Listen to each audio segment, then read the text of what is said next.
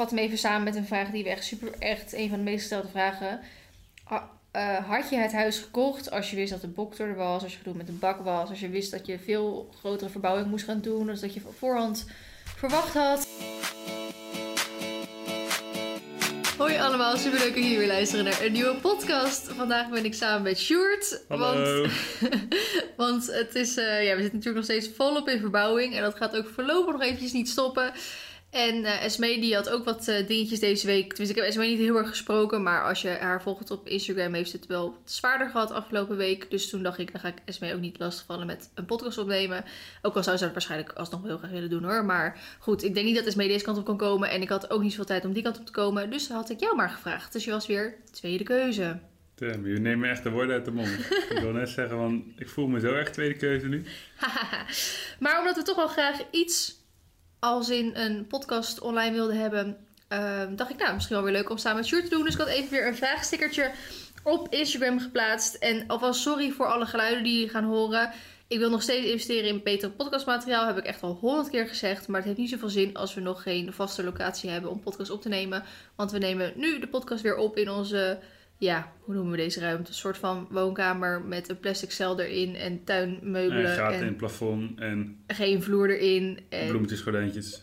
Precies, en wij zitten op van die tuinstoelen in onze jas, want het is hier ook natuurlijk niet super warm. Dus alles, Alles Maakt lekker veel en geluid. De tafel is van plastic, dus als je er één keer tegenaan stoot, dan ja, ligt alles valt om. alles eraf. Echt een bloedirritant kan niet wachten tot we gewoon weer de normale tafel kunnen gebruiken. En ik gewoon een keer tegenaan kan stoten zonder dat gelijk mijn water over heel de tafel heen ligt.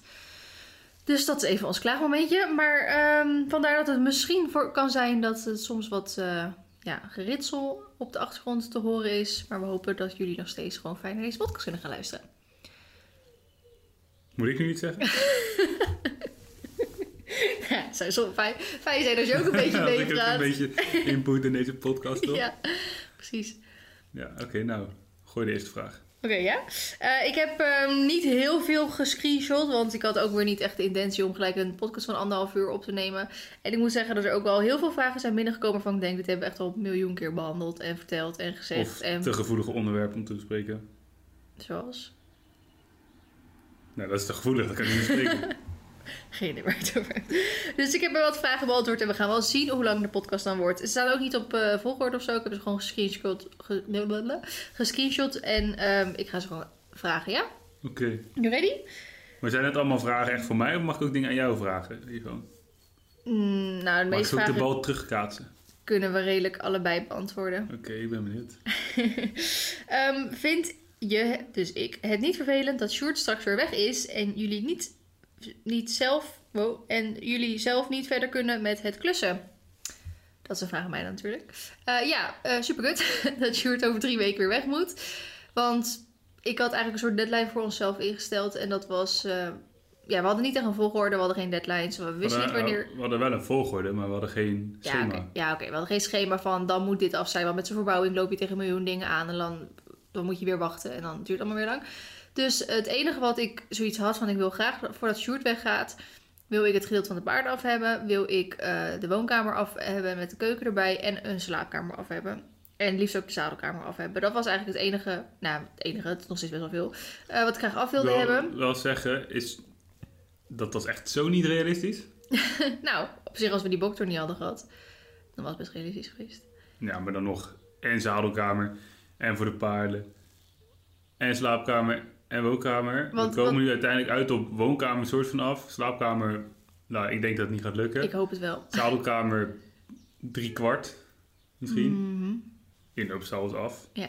Nou, weet je wat ik me bedacht? Want straks als hij bakker ligt, wat hopelijk snel is, maar dat komt, dat gaat, nou, ik weet niet of dat nog gaat gebeuren voordat jij zeg maar eh, weg bent. Hmm. Ehm, dan moet ik ook die trek helemaal gaan aanleggen natuurlijk. En dat zouden we eigenlijk samen gaan doen. Al die palen erin Ja. en draad gaan Ja, spannen. heb ik even en- geluk. Nou, dit was echt een project wat we samen moesten gaan doen. En dat moet echt ook gewoon af zijn voordat YouTube-weekje begint. Maar we dwalen af. Ehm, het is niet zo dat op het moment dat ik weg ben, dat er niks gebeurt aan de verbouwing. Want het heeft natuurlijk ook gewoon twee handjes. en ik heb, bijvoorbeeld de afgelopen dagen ben ik best wel heel veel bij het huis van mijn ouders bezig geweest. Voor vier dagen non-stop eigenlijk. En daar staat weer tegenover dat op het moment dat ik weg ben, dat mijn vader gewoon ook met wat projectjes bij ons nog verder gaat. Ja, bijvoorbeeld wat we dus zeggen, dat de grote kans is dat de slaapkamer niet afkomt, dat je vader dan daarmee doorgaat, zodat ik niet zes weken hoef te wachten voordat ik alsnog een slaapkamer heb. En dan jij kan er ook mee door. Ja, maar ik, ik kan wel dingen, maar niet alles. Ja, met zo'n instelling niet. Ehm, Oké, next question. Ga je de paden van het Paddock Paradise ook met wit, wit zand maken? Zie je deze vraag gaan echt helemaal door elkaar heen? Ehm, in eerste instantie niet, want ik laat gewoon de paden gewoon ja, opeten, want het komt natuurlijk op het weiland. En dan zie ik het wel, dat wordt waarschijnlijk op een gegeven moment gewoon kapot gelopen. En dat wordt dan Ja. weer een soort half zand. En ja, bij ons is er eigenlijk geen modder of iets. Ehm, mocht het nou echt wel straks modderig toch of iets worden, moet ik ook even de winter afwachten. Dan wil ik inderdaad wel iets van wit zand of misschien zelfs drainage gaan aanleggen. Maar wat is er? Wil al die paden gaan draineren? Hoezo al die paden? Het is zeg maar één trek. En nou, Dat is niet zoveel. Maar ik verwacht ja, dat het niet nodig is. Maar als het wel nodig is, dan ga ik dat toch echt laten doen. het is jammer dat er geen camera bij zit, jongens. Want die, die blikken die Sjoerd mij op dit moment geeft. Wat is er? Wat is er? Praat. Mensen zien niks in een microfoon. waar komt dit opeens vandaan? Jij blijft altijd projecten toevoegen. Nee, dit heb ik eigenlijk vanaf het begin altijd al gezegd. Dat die trek laat ik kapot lopen. Maar als dat Ja, ja, dat klopt. blubber wordt, dan moet ik toch echt iets mee gaan doen.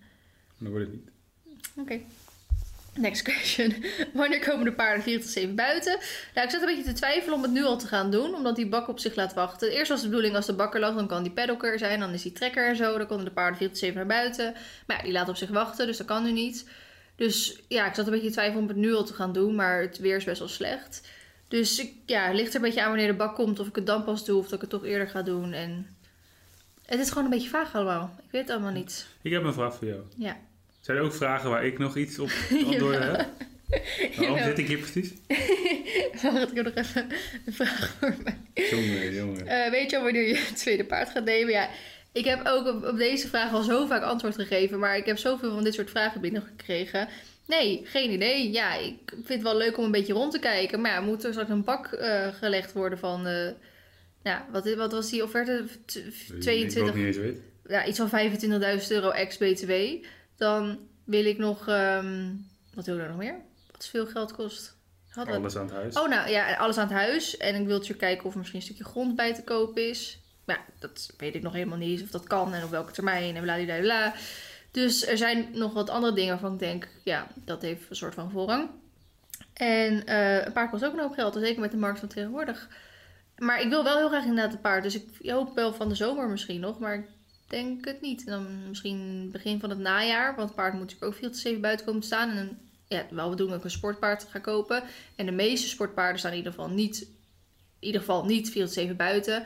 En de vraag is of ze überhaupt heel de dag buiten komen. En als hij dan in één keer van weinig buiten naar 4 tot 7 buiten gaat, dan is dat best wel een overgang in de winter. Dus dan zou het best eens kunnen zijn dat het echt pas volgend jaar gaat worden. Maar dat hoop ik in ieder geval niet. Maar goed, dat zien we dan eigenlijk allemaal wel. Of ik moet Marley waarschijnlijk opofferen om, om van de winter ook op stal te gaan staan. Zodat ze samen op stal kunnen staan s'nachts. Dat kan. Dat kan. Oké, ehm, deze vraag die we allebei kunnen beantwoorden. Wanneer kunnen jullie echt in het huis gaan wonen? Echt wonen. Echt wonen. Nou, Dus- als die slaapkamer af is. Ja, precies, want de woonkamer is over een paar weken wel redelijk bewoonbaar. Mhm, Als het goed is. mhm. Ehm, maar ja, dan hebben we nog geen slaapkamer. Dus ja, slaap is wel deel van wonen eigenlijk. Ik ga denk ik gewoon op de bank slapen dan. Ja, dat kan. Maar over een paar weken hebben we in ieder geval een, een plekje waar je gewoon even lekker kan zitten. En dat we weer normaal aan tafel kunnen eten. En, Ja. Oh, waar gewoon normaal de verwarming aan kan staan. Ja. Ja, daar kijk ik zeer erg naar uit. Ehm, ga jij ook nog een soort van bij mensen op stal kijken voor ideeën? Ik wilde inderdaad een soort eh, serie maken over Paddock Paradises. En dat wil ik nog steeds wel gaan doen. Maar dat eh, ja, komt wel een keer. En niet alleen met Paddock Paradise hoor. Maar het idee van de serie was eigenlijk dat ehm, je eigenlijk... eh, nou ja, laat ik het zo zeggen. Ik wilde een serie van een stuk of maximaal 10 afleveringen. Ik denk een stuk minder. Dat je dan een deel bij echt vette Paddock Paradises gaat kijken. Waarvan je echt denkt, dit is echt gewoon vet om te filmen. En een deel bij ehm, mensen die sportpaarden hebben en ze 24-7 buiten hebben. Want dat is vaak op een Paddock Paradise zo dat het voorna- voornamelijk koudbloeden zijn of recreatiepaarden. En ik ken sowieso twee mensen Maarten Simons, mijn sponsorruiter, die rijdt set eventing met haar paard Harley. En die heeft nu ook Money uh, gemaakt. En die van haar staan 407 buiten. En Spotted en Fenna van Lise, en van Eline staan 407 buiten. En dat zijn ook sportpaarden, want die rijden ook gewoon uh, BLM eventing ermee. Um, en dat, is, dat vind ik juist ook heel interessant om dat te laten zien. Want ik denk dat er ook wel een ander management bij komt kijken. Bij een sportpaard 407 buiten houden en een koudbloed 407 buiten houden. Dus dat wilde ik graag filmen, want dat zie je eigenlijk nog niet echt. Tussen. Ja, echt voorbij komen. Dus uh, dat wil ik inderdaad nog wel doen. Maar ik weet nog niet zo goed uh, wanneer en hoe en wat. Krijgt Sjoerd, kijk nu is een vraag voor jou. Yes. Soms een aanvraag voor een samenwerking. Zo ja, doe jij hier aan? Ik heb er eentje gekregen. dat was nu een half jaar geleden, denk ik. Ja. Of misschien uh, iets minder, begin dit jaar, denk ik. En dat was van Revolution Race. Ja. En Jij was echt een van de eerste die die uh, ik kreeg echt voor best wel veel anderen gewoon... Ja. Bijvoorbeeld SB en zo hebben hem gehad. En... Ja. Ik heb hem ook gehad. Ik heb Ja. letterlijk spullen van hen opgestuurd gekregen. Maar ik heb nog één ding waar ik nog steeds al vier maanden op wacht. En dan pas kunnen we de samenwerking starten. Dus Dus ik werd toen benaderd in mijn DM's op Insta. Ik dacht van, shit, nu ben ik gewoon echt een influencer. dus eerst voelde ik me heel stoer. En toen heb ik gezegd van, nou weet je, gooi me wat op de mail dan en dan eh, kijk ik wel. Dus toen had zij gemaild en eh, nou, wat, wat verwachten we van je? En dan kwam het erop neer dat ik een set van die, nou ja, van die outdoor kleding mocht uitkiezen. Mhm. In ruil voor een post daarover. Mhm. En toen heb ik het wel overwogen, maar ik heb het toen uiteindelijk niet gedaan, omdat ik dacht, dit past helemaal niet bij me. Ik ben helemaal geen influencer. Ik heb, ik heb er nu iets meer dan 13.000 volgers, maar die heb ik puur als vriend van. en ja, ik, het is al sowieso niet iets voor mij, denk ik, om iets te gaan promoten op Insta. En dan was er nu ook nog eens iets wat ik anders zelf nooit zou kopen. Dus toen dacht ik van, het, het, het voelde helemaal niet goed om dat te doen. Ik voelde me er niet comfortabel bij, dus Nee, als niet het, gedaan. dat, eigenlijk zou zo'n samenwerking het beste zijn van iets wat jij bijvoorbeeld al veel draagt of veel meewerkt Als zo. het de Sting zou zijn, dan zou ik zeggen, oh yes, come at me. Of het- Makita. Makita, ik hou van al mijn gereedschap. Ik hou van al mijn gereedschap. ik hou van al ik hou van al mijn gereedschap, maar Makita hou ik het meest van. maar ja, dat, kijk, dat zijn dingen waarvan ik zeg van, als iemand zou benaderen, zou ik het denk ik oprecht nog wat doen. Maar nu was het iets waar ik eigenlijk helemaal niks mee heb. Hmm. En dan ga Maar ik je vindt op zich de kleding wel mooi. Want ik heb, ik heb natuurlijk al de kleding al gekregen. Ja, maar ja, dan denk ik van, wanneer ga ik dat dragen? Nou, ik draag dat ding best wel veel. En jij verneukt al je spijkerbroeken. Dus op zich zou Ja, maar het is broek wel- outdoor kleding, geen werkkleding. Ja, dan kan, ik gebruik het er toch ook gewoon voor. Dat is gewoon prima daarvoor te gebruiken. Ja, voor jouw klusjes. Nou, maar voor het echte werk. Nou, dan zou ik liever een gratis gekregen broek daarvoor gebruiken dan je eigen dure spijkerbroeken. Maar het zijn allemaal oude boeken. Ja, ja. Oké, dus eh, dat. Gaan jullie ook een longering slash eh, en slash of stapmolen bouwen? Nou, Nee, een stapmolen vind ik sowieso echt complete onzin. Ik heb nog nooit in mijn leven een stapmolen gehad, dus ik heb nog nooit de voordelen ervan ervaren. ik heb één keer in de stapmolen zien staan. Dat was echt een fiasco. Oh ja, inderdaad, want bij eh, Dat KNS toen was bij- dat toen. Ja, toen dacht je van, oh, eens proberen met uitstappen. Ja, Toen had je hem neergezet, toen moesten we eerst uitvogelen hoe we hem aankregen. ja. Toen kregen we hem aan en toen ging hij eigenlijk al iets te hard voor Mar. En Ja. toen na een half rondje dacht Mar, ik draai om. Raakt toen werd hij al plat door het hek en toen was hij in paniek. Toen hebben we hem maar weer heel snel uitgezet. En dat was ook gelijk de laatste keer. Ja, dat klopt. Dus, eh, maar ja, buiten dat, mijn paarden komen 407 buiten straks. Dus waarom de fuck zou ik in hemelsnaam een stapmolen nemen? Een stapmolen is echt... Maar als je te veel paarden hebt om misschien de beweging te geven. Ja, maar als ze op stal dan staan. Ja, Ja, het is, een stapmolen is echt een soort van in- en uitstappen. Of een soort training of een soort benen strekken. Maar ja, als je paard gewoon op de wei staat of op de paddock staat... dan heb je toch in principe gewoon een stapmolen nodig. denk ik niet. Dus De stapmolen En voor... logeren kan je altijd in de bak doen. Ja, ja, dat is inderdaad de bedoeling ook. Dat een longeerring moet je anders denk ik weer een aparte vergunning voor vragen. Ongetwijfeld. En dan kon ik anders net zo goed een 2060 bak gaan aanleggen. Want dat is ongeveer bijna dezelfde diameter, eh, zeg maar. Behalve dat hij dan rond is in plaats van vierkant. Dus dan, ehm, ja, vind ik dat niet nodig. Want je kan ook gewoon longeren in de bak, inderdaad. Kijk, als je echt op een grote pensioenstal staat... je moet dan ook nog gaan longeren in de bak... is het echt super onhandig. En ben je mega blij met een goede longeercirkel. maar ja, Carmen en ik zijn de enige die er eigenlijk staan. Met allebei straks twee paarden. Dus we zullen elkaar bijna nooit in de weg zitten, denk ik. Dus eh, ik denk zeker niet dat dat eh, voor problemen gaat zorgen. Wanneer kunnen we weer een dressuurwedstrijd slash video verwachten? Nou ja, eh, ik kan op dit moment totaal nog eh, niet trainen, Oh nee, dan? ja, mijn bak is er nog steeds niet. En eh, kijk, springen en crossen doe ik eh, wel eens, omdat ik dat natuurlijk op ander terrein dan doe. Maar ja, dressuur zou ook wel kunnen. Maar ik vind dressuur, ja, dat... dat Misschien Eh, meer een beetje een moedje dan een... Nee, maar ik vind dressuurles soms best wel pittig. Kijk, natuurlijk springen en cross ook. Maar eh, als ik maar één keer in de zoveel tijd alleen een dressuurles doe... terwijl ik hem thuis niet ook dressuurmatig kan onderhouden... vind ik dat ja, anders of zo. Dan heb ik liever dat ik... Nou, laat ik het zo zeggen. Als ik een dressuurles heb gehad... wil ik eigenlijk gewoon twee dagen daarna of drie dagen daarna... weer in de bak trainen om dat dan weer te herhalen. Anders vergeet je het Mhm. alweer, zeg maar. En nu kan dat niet. Ik denk, ja, als ik maar één keer in de maand of zo dressuurles op een andere locatie heb, dan vind ik dat niet echt opschieten. Ik moet al kunnen trainen om het te blijven verbeteren en het, om het, om het ehm, normaal te maken, zeg maar. Mhm. Dus dat heeft niet zoveel zin. Ehm, hebben jullie door het klussen ruzies slash discussies hier wel, zei ze. Nou, niet echt door het klussen zelf, denk ik. Kijk, als wij samen bezig zijn, dan gaat het altijd wel harmonieus, om het even zo te noemen. Hmm. Ehm, maar ik denk wel dat we nu af en toe, ik na een lange dag klussen, dan ben ik bijvoorbeeld moe of dan heeft het een beetje tegengezeten. En dan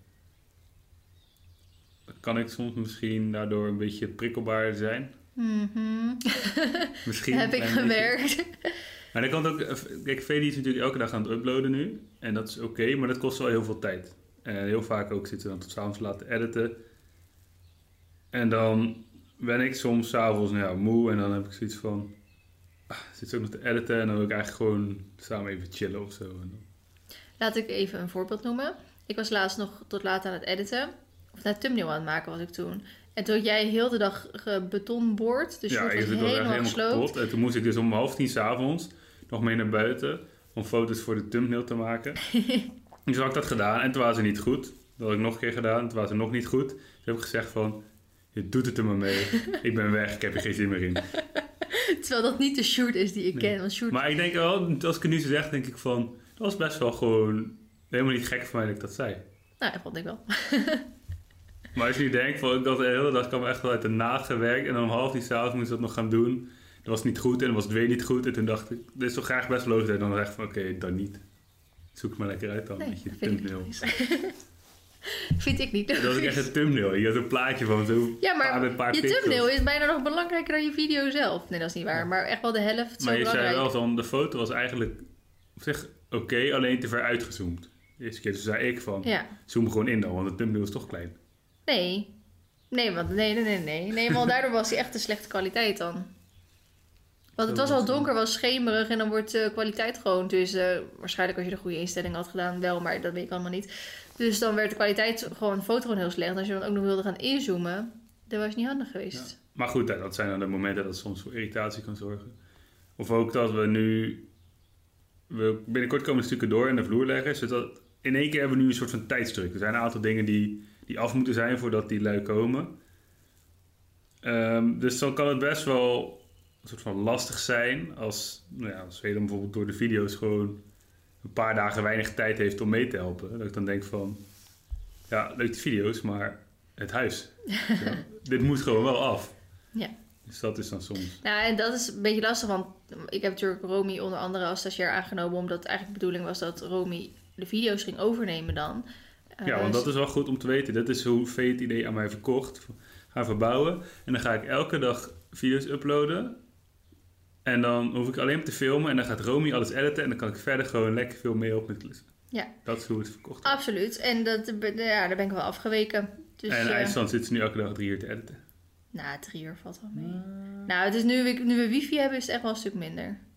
Ja, dat scheelt wel. Dat scheelt. Ja, en de- ja, klinkt raar wifi hebben, maar ik deed alles op mijn hotspot van mijn telefoon.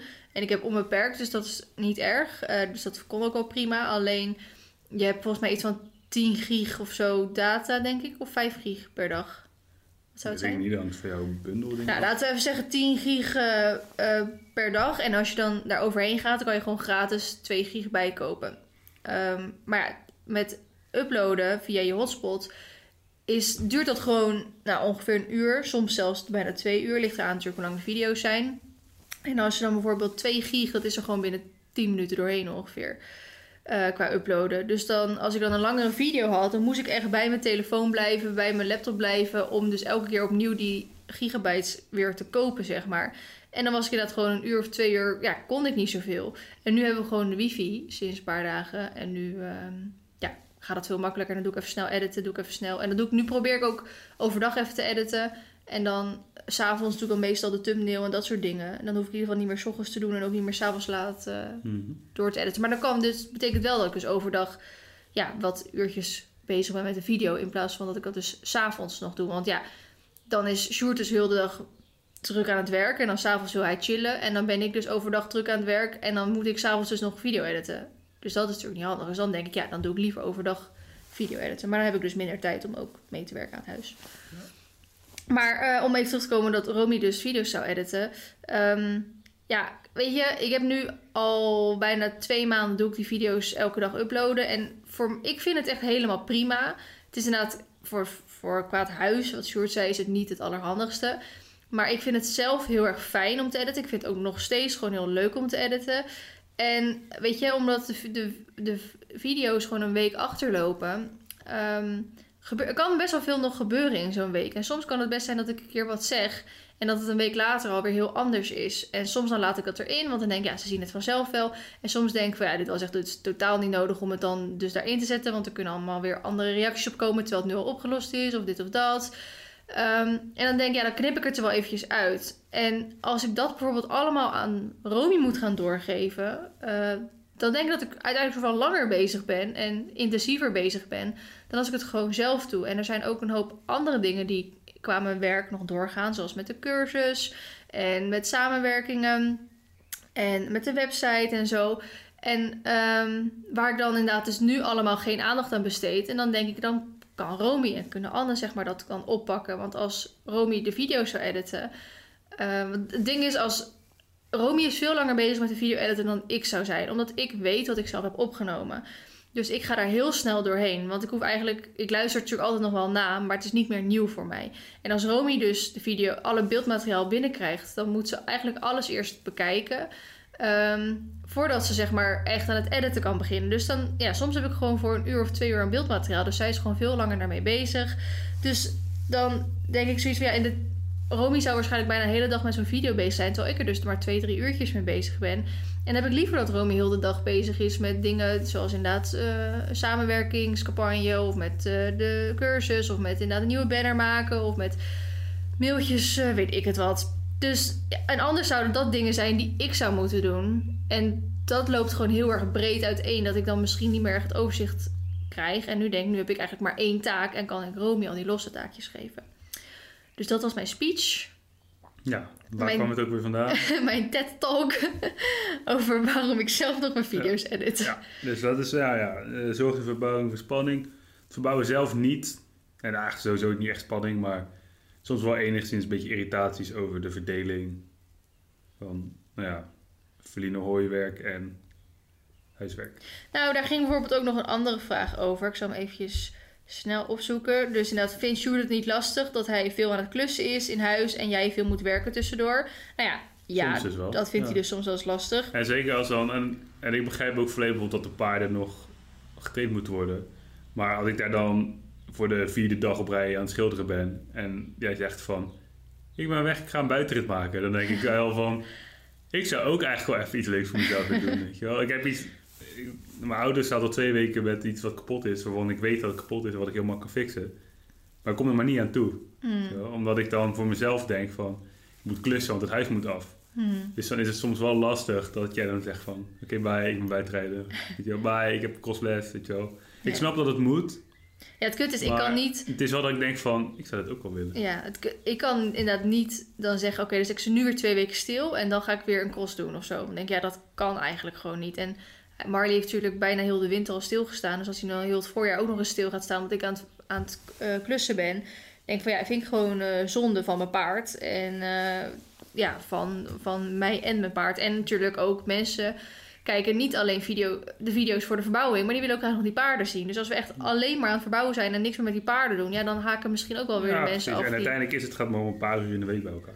Ja, jawel. En, en dat vind ik dan weer soms, als we, daar hebben we ook wel wat dingetjes. Dat zijn dan de enige nou, spanning met dat wat Sjoerd dan net noemde. Dat Sjoerd dan zegt, ja, je hebt vandaag niks gedaan. En dan denk ik, ik heb wel wat gedaan, ik heb geëdit en dat en dat. En dan denk ik, Dat- Nee, ik zeg mensen, ik zeg niet je hebt niks gedaan. Maar meestal dan zeg jij van, oh, lekker gewerkt. En dan zeg ik van, ja, ik wel.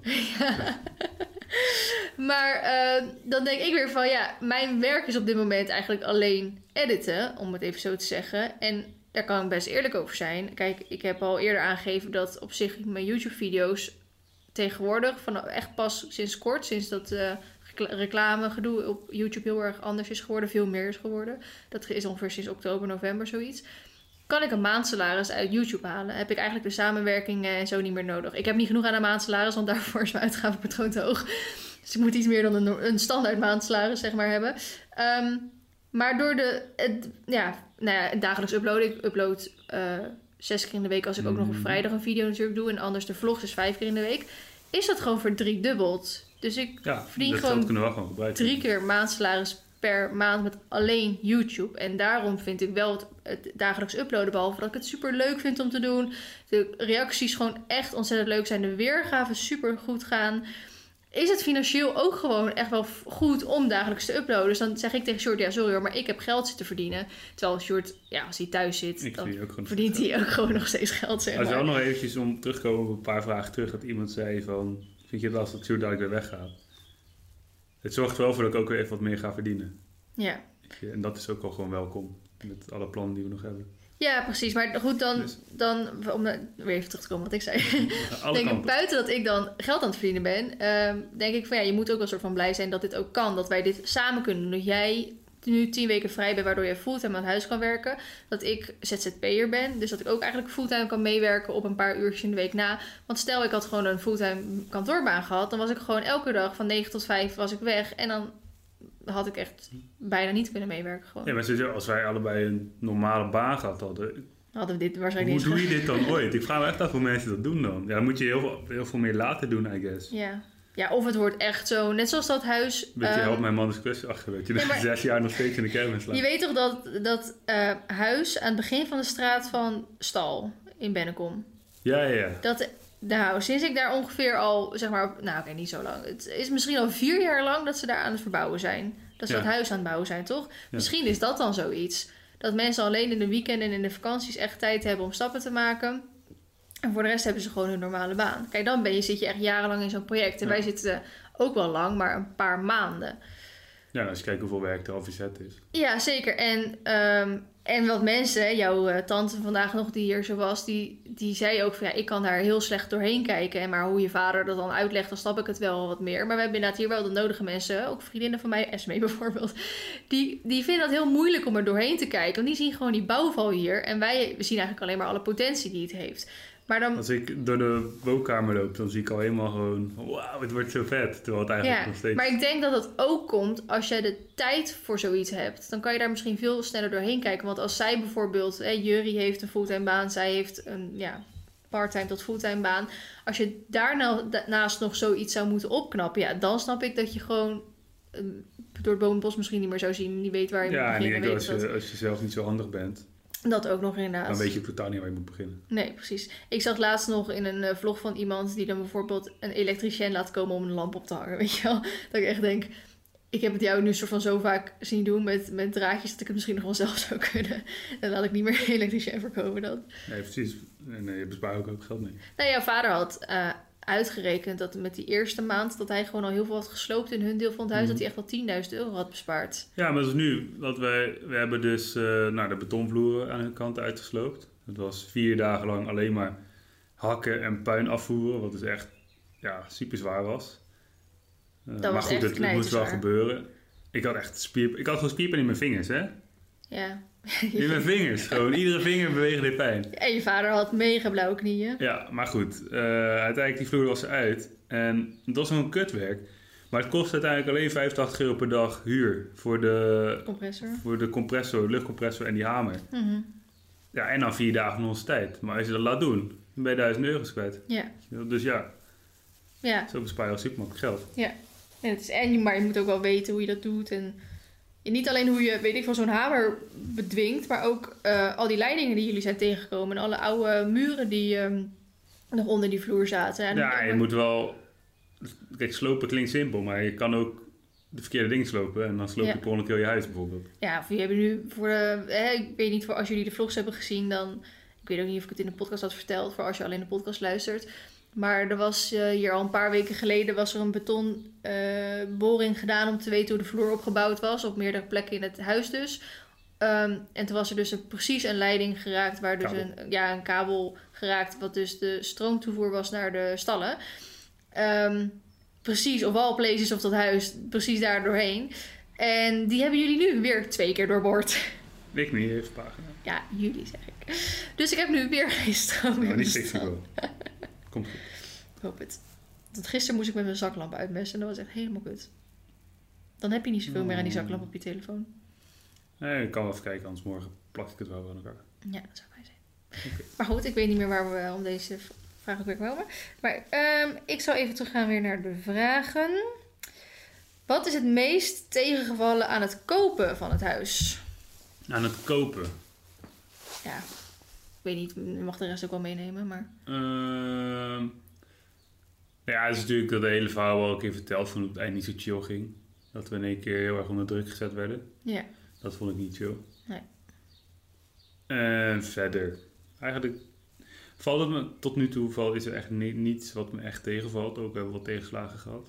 Nee, precies. Maar bij ons is het natuurlijk ook wel een beetje bijzonder gaan dat we geen hypotheek bij de bank hoeven te nemen. En, eh, Nee, klopt. Ik denk dat het bij ons wel relatief makkelijk gegaan. Ja, weet ik ook. En nu met alle tegenslagen die we hebben, zoals die Boktor bijvoorbeeld. Ik kan het dan, ja in het begin vind je het wel heel kut, maar eigenlijk kan ik het ook wel heel goed relativeren. Want dan denk ik uiteindelijk van, nou wat kost het me nou? Een bestrijder die 500 euro kost en een paar honderd euro aan hout. Ja. Plus tijd. Ja. Dan denk ik van, nou ja, als het niet erger is dan dat, dan Mhm. kan ik daar eigenlijk ook wel heel goed mee leven. Ja. En zo is het met ja, die tijd is wel veel hoor, want die plafonds die hadden we allemaal niet uitgegeven Ja, tuurlijk. Maar ja, uiteindelijk had dat later toch een keer gemoet. Ja, oké. Ja, dus eigenlijk is er nog niks wat me echt tegenvalt. Ja, het weer valt me tegen. Ja, weer valt We tegen. dachten, voorjaar, door het lekker weer, dan is het niet erg dat we in die caravan zitten. En dan is het volgens echt het koudste en natste voorjaar in jaren. Ja. Wat wel super goed is voor de natuur en zo. Dus wat dat betreft moeten we er ook maar gewoon blij mee zijn. Maar Ja. de ochtenden zijn soms wel pittig als je wakker wordt in die koude caravan. En de badjas buitenom moet lopen om te gaan douchen. En, Ja. ja, het is wel een beetje camping vibes inderdaad. Dat je echt inderdaad, ja, met je, nou niet met je wc-rolletje, want ik heb gewoon de wc gefixt in de caravan. Want ik ga echt niet s'nachts uh, midden in de nacht eh, de naar het huis toe. Maar dat je inderdaad wel echt, ja, met je badjas eh met die naar... slippertjes. Ja. Meestal trekken we gewoon eigenlijk onze kleding aan en, eh en Nee, ik deed dat in het begin, maar nu heb ik scheid en nu ga ik gewoon in mijn badjas om Ik doe ook gewoon met mijn badjas vaak en met mijn, met mijn pantoffels. Als het dus niet te nat is geweest, doe ik gewoon de paarden voeren en paarden buiten zetten en zo. Ik denk, ja, ik vind het echt helemaal prima. Eh, ja, hetgene wat mij natuurlijk heel erg tegenvalt, is alles rondom de bak. Ja. Maar dat, ja, kan, kunnen wij niet zo heel veel aan doen. En eigenlijk kan een soort van niemand er heel veel aan doen, behalve dat het gewoon heel veel tijd kost. Het Omdat is eigenlijk gewoon een ongelukkige samenloop van omstandigheden. Ja. Dus- Want eigenlijk zodra je gewoon in zo'n molen bij de gemeente terechtkomt... De gemeente staat gewoon bekend dat alles fucking lang duurt. ja, precies. En eh, dat zei je moeder volgens mij vandaag ook nog. Want de gemeente heeft het ook gewoon echt bizar druk. En zeker op het gebied van allemaal vergunningen en zo. Omdat Ja. super veel mensen nu aan het verbouwen zijn. Eh, door corona natuurlijk. Dus ja, de gemeente heeft gewoon heel erg druk op het gebied van dat. Maar ja, dat komt voor ons echt dus heel kut uit nu. Dus nou ja, goed. Ja, dat is wel een soort tegenvallen. Ja, Ja, precies. dus- Wat was het moeilijkst om achter te laten bij het verhuizen? Ehm, ik vond het uiteindelijk, want ik bedoel, we hebben er 2,5 jaar echt, ik in ieder geval heel chill gewoond. Mhm. Maar uiteindelijk, ja, je re- reden, we reed ik weg in die verhuiswagen en dacht ik van oké, Hm, Oké. ja, weet je wel. Ik, Ja. Was eigenlijk niks wat ik echt moeilijk vond. Ik vond, nou ja, het enige dat het gewoon heel relaxed was, dat het gewoon een huis was. Ja, dat het af was. Dat het afwas inderdaad, dat je gewoon je bed uitrolde, de badkamer in, keuken. Dat ga ik denk ik wel oprecht een beetje missen, dat het allemaal gelijkvloers was. Ja, Dat je gewoon uit bed kwam en je deed vijf stappen en dan was je in de badkamer. ja, En dan daarna liep je zo het gangtje door en dan was je in de woonkamer bij de keuken en ging ontbijten. En nu moet je dan tap je op en dan tap je af. En... Ja, maar goed, bij mijn appartement was dan, dat was binnenshuis. Maar wilde jij, weet ik veel, je auto even opruimen? Ja, Dat vond ik super kut. dat was echt heel kut. Ik had daar zo vaak dat er dingen dat ik iets aan mijn auto wilde doen wat heel makkelijk te doen was. Maar dat ik dacht, ja, ik ga dit niet nu hier op straat op de openbare weg Ja, doen. Dan ga je naar de garage en dat kost wel weer geld. Ja, en ik had het heel vaak met dat ik dus mijn auto gewoon wilde stofzuigen of wilde wassen of wat dan ook. Nou ja, niet echt wassen, want daarvoor rijd ik gewoon naar de wasstraat toe.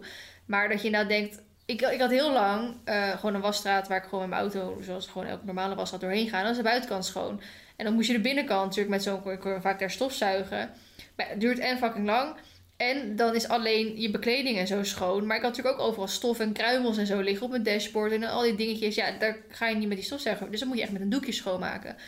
En dan vond ik dat al dus een te grote stap om dan met een emmertje en een doekje eigenlijk naar de parkeerplaats te lopen en het dan daar te gaan doen. Maar we hadden ook het, het flatje waar, waar mijn oma woont. Daar hebben ze een wasplaats. Echt? Ja, gewoon zeg maar net links van de ingang. Oké. Zo'n parkeerplaatsje, dat is daar de wasplaats. Dus daar Hmm. hier je auto neer en dan hebben ze een tuin, gewoon met de vereniging van eigenaar hebben ze een tuinslang. En Oh, daar kan je gewoon je auto wassen. En dat is chill, maar dat hadden wij ook niet. Nee. En het vuilnis en zo vond ik allemaal irritant. Ja, het vuilnis was ook heel rot daar. Ja. Dus ik ben wel heel blij dat we nu containers hebben. Ja. Niet dat we dat systeem al onder controle hebben, Maar maar we hebben nu deze vraag van wat vond je moeilijk om achter te laten. hebben we omgedraaid naar wat vind je chill man. wat vond allemaal kut aan het appartement.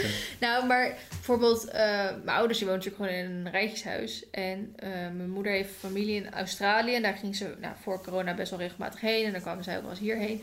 En in Australië zijn natuurlijk heel veel huizen zijn gelijksvloers. Ehm, en eigenlijk sinds ze daar toen is geweest, toen zei ze ook van ik wil een gelijkvloers huis. En ik had dat gewoon zoiets van waarom?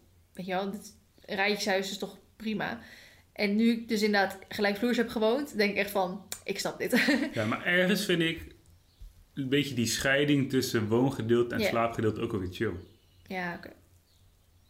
Dat je, ja, ik weet niet. Ik heb het ook altijd wel weer fijn gevonden. Nou, ik vond wel soms als bijvoorbeeld, ehm, dit is misschien heel random hoor, maar als er dan nieuwe mensen langskwamen en ik wist dat, nou ja, er nieuwe eh, mensen langskwamen, dus dan is je woonkamer opgeruimd en is je, je gastentoilet is, is schoon en de hal is schoon. En dan, dan was de badkamer en de slaapkamer echt één grote teringzooi. En dan zeiden ze zo van, oh mag ik even naar het toilet toe? En dan liep ik echt gewoon mee om te laten zien waar het toilet was. Dat Omdat is niet de verkeerde deur. dat ze niet de verkeerde deur pakten. Dat, en dan heb ik zoiets van als je inderdaad een, eh, een, gewoon een, eh, twee verdiepingen hebt, dat eigenlijk je, je slaapkamer en je badkamer gewoon Dat is boven meer zijn. privézone. Precies, dan komt Ja. ook eigenlijk niemand daar. We hebben het ook een keer gehad. Toen was een meisje met haar moeder die kwam mijn laptop Nou, ophalen. ik wilde net zeggen, toen had ik ook heel het huis, of de woonkamer en de gang opgeruimd. Ik had echt alles maar gewoon in het washok getiefd. Van, uit het zicht opgeruimd. En toen gingen ze weg en toen pakten ze de verkeerde deur. En toen liep ze precies het washok in. Ja, precies. Die zit naast de deur om weer terug de hal in te gaan. En toen dachten we echt zo, kut, kut, kut. Maar buiten dat het je washok is, kijk, als in, boeit me niet dat mensen een soort van de halve voorraadkast in de wasmachine zien staan, maar je, oprecht je vuile was ligt daar. En stel, er ligt gewoon even, weet ik wel, een vieze onderbroek of zo ergens, precies zo midden in het zicht, dan denk je echt van, lekker ja, bruin of lekker.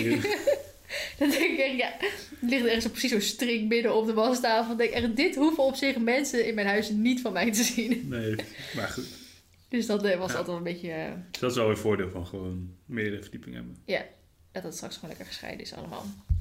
Ehm, volgende vraag. Oh, deze ging over het Songfestival. Wat vonden jullie ervan?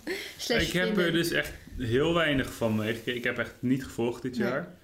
Ik heb wel op, op YouTube een paar dingen gezien. Eerst wat ik zelf was die, die act van Davina Michel uit de eerste halve finale. Mhm. Die vond ik echt super vet.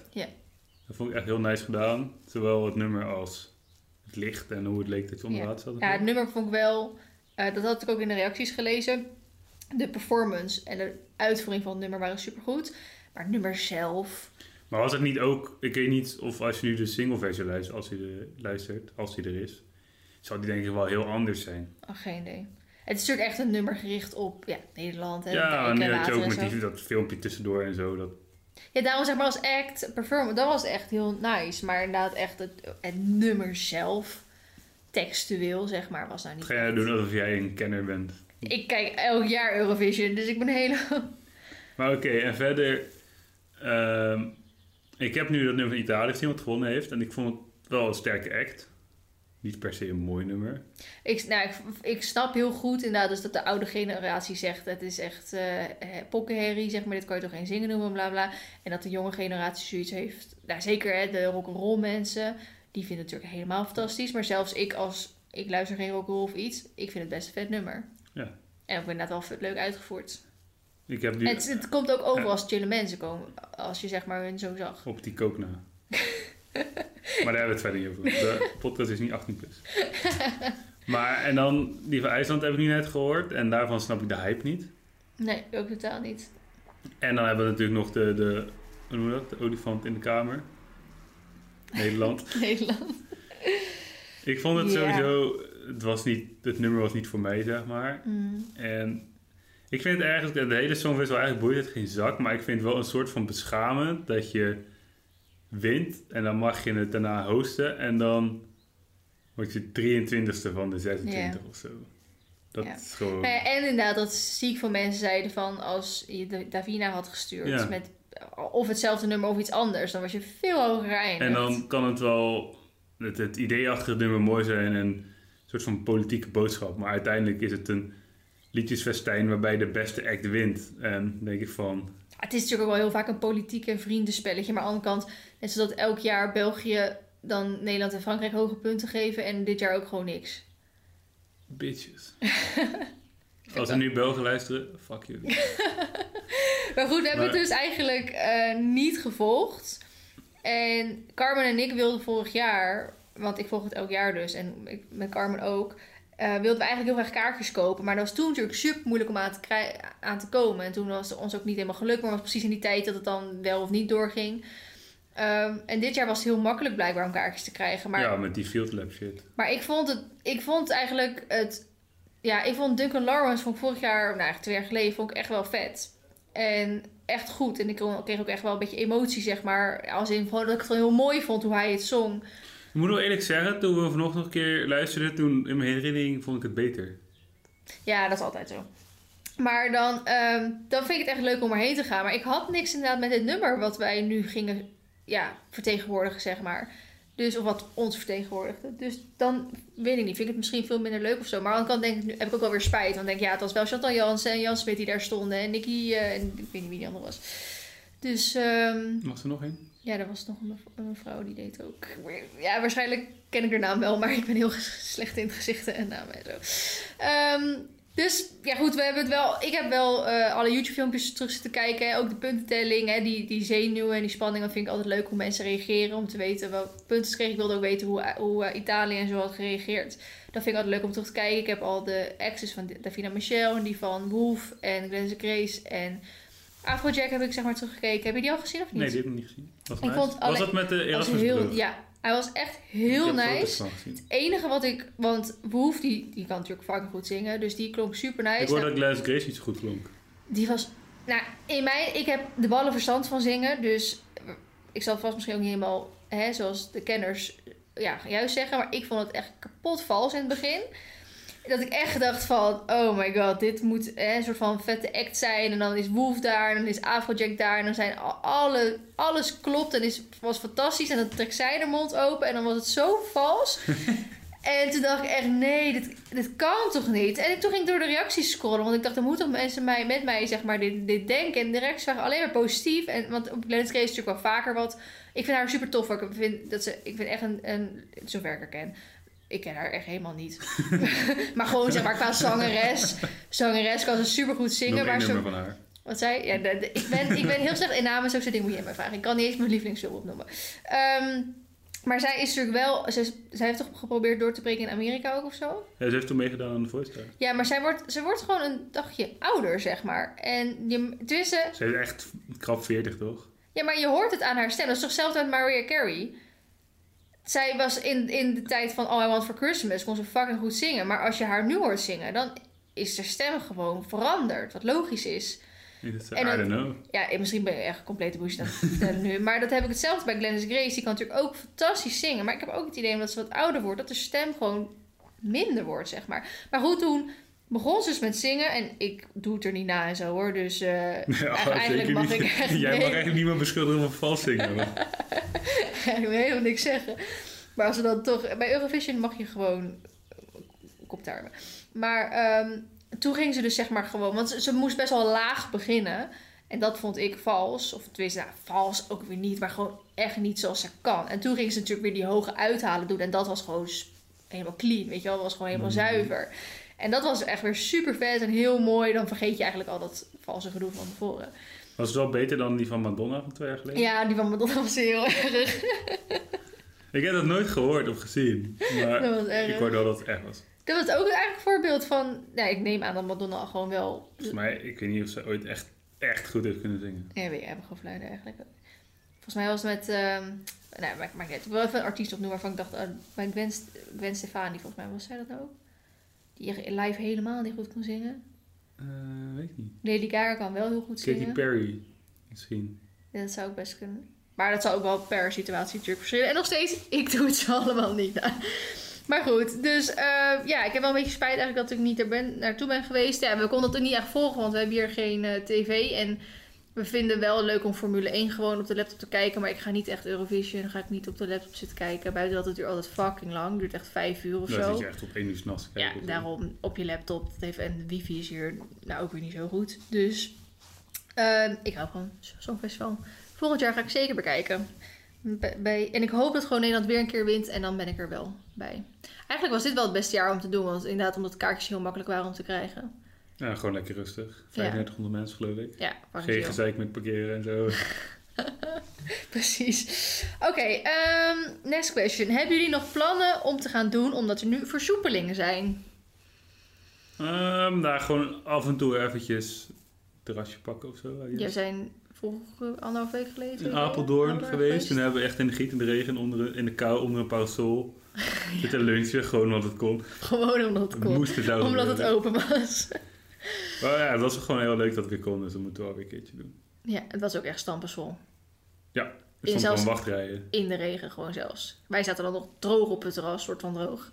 Maar goed. Ehm, en ook de terrassen hier zijn natuurlijk weer open. Dus ik vind eigenlijk wel... Aan de ene kant vind ik van, we moeten dan wat vaker weer even tussenuit gaan. Maar aan de andere kant, we hebben nu een soort van die deadlines dus.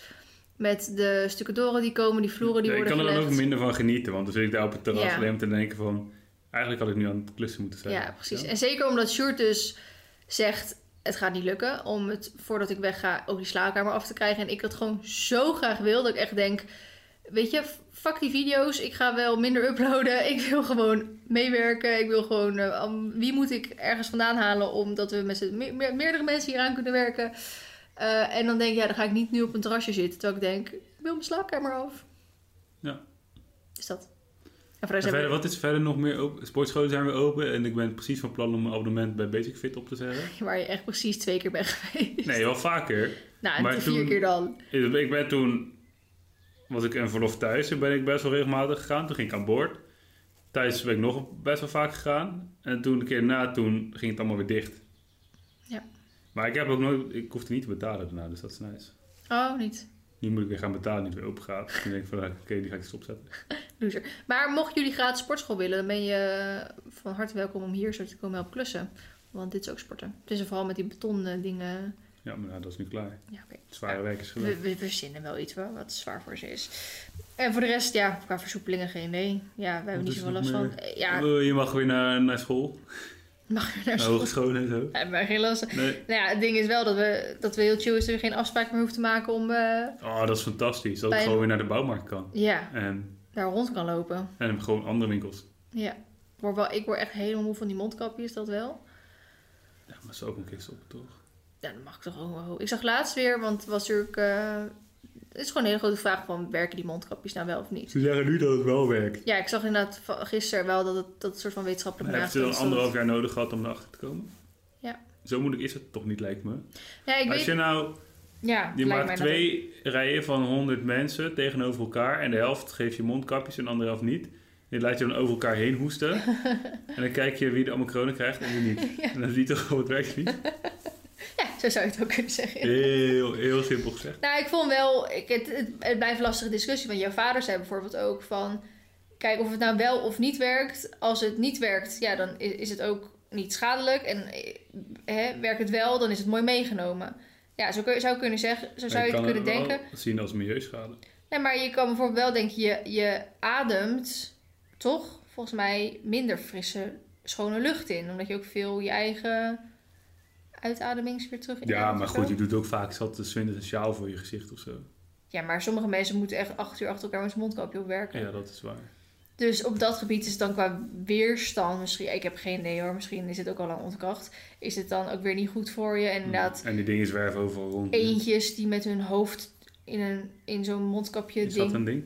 Ja, da- daarom zeggen ze heel vaak als je je mondkapje moet weggooien, moet je je oortjes zo doorknippen. Omdat anders allemaal dieren tussen de mondkapjes eh, ringetjes voor, voor om je oren heen zeg maar blijven hangen. Maar als ik mijn mondkapje weggooi in een prullenbak, hoeft het toch niet? Ja, nee, maar Zeggen ze, dan, ook... ze zeggen ze dan eigenlijk van als jij gewoon je mondkapje op straat dicht, knip dan wel de oortjes door. De mensen die dat doen, die gaan ook die oortjes niet doorknippen. Nee, dat is zo. maar goed, dat is dus een... ehm, ja, ik zou wel blij... En ja, maar heel veel mensen hun huid, dat is voor mij heel belangrijk, gaat natuurlijk ook niet... Ja, ik van. dat ook, want toen aan boord, toen we nog in Spanje op de werf lagen, toen moesten we ook heel veel mondkapjes op. En dan was het ook best wel warm, fysiek werk soms. Dus dan zweet je veel met zo'n ding op. En dan had ik echt zo de onderkant van mijn gezicht ook best wel veel, nou ja, pijsjes en zo. Ja. Ik denk daarvan. Ja, heel veel mensen zeggen dat, eh, dat ze dat hebben. En ik, ik had. ehm, ik, ja, ik, kwam, ik kwam niet echt op plekken waar ik mondkapjes nodig had. Ja, één keer in de week even een keer in de supermarkt, eh, 10 minuten of zo. Maar nu veel met die bouwmarkten en zo, dat je toch wel wat meer plek komt en wat langer dat die dingen nodig hebt. En ik- ja, mijn huid is ook ja, echt wel verslechterd de afgelopen tijd. Ik Dus kijk er wel gewoon oprecht naar uit dat je... Nou ja, als ik gewoon met iemand praat in een winkel, dat je dan gewoon het gezicht weer kan zien. Ja. Ja, dat is toch wel nice. Ja, het scheelt wel dat het wat normaal is geworden. We blijven nog even in de coronavirus, want iemand vraagt hoe kijk je aan tegen de vaccinatie voor de corona en ga je jezelf laten inenten? Ga jij zo laten denken? Nou, eh, ja. Ja. Als eh, ik opgeroepen word, wat waarschijnlijk echt als een van de laatste zal zijn, want ik heb totaal niks wat met risico of iets te maken heeft, ehm, dan laat ik me wel gewoon inenten. Ik ook wel. Weet je wat het is? Ik heb in mijn leven al zoveel inentingen gehad. Ja, jij al helemaal inderdaad. Zeker als kind en ook voor reizen met werk en zo.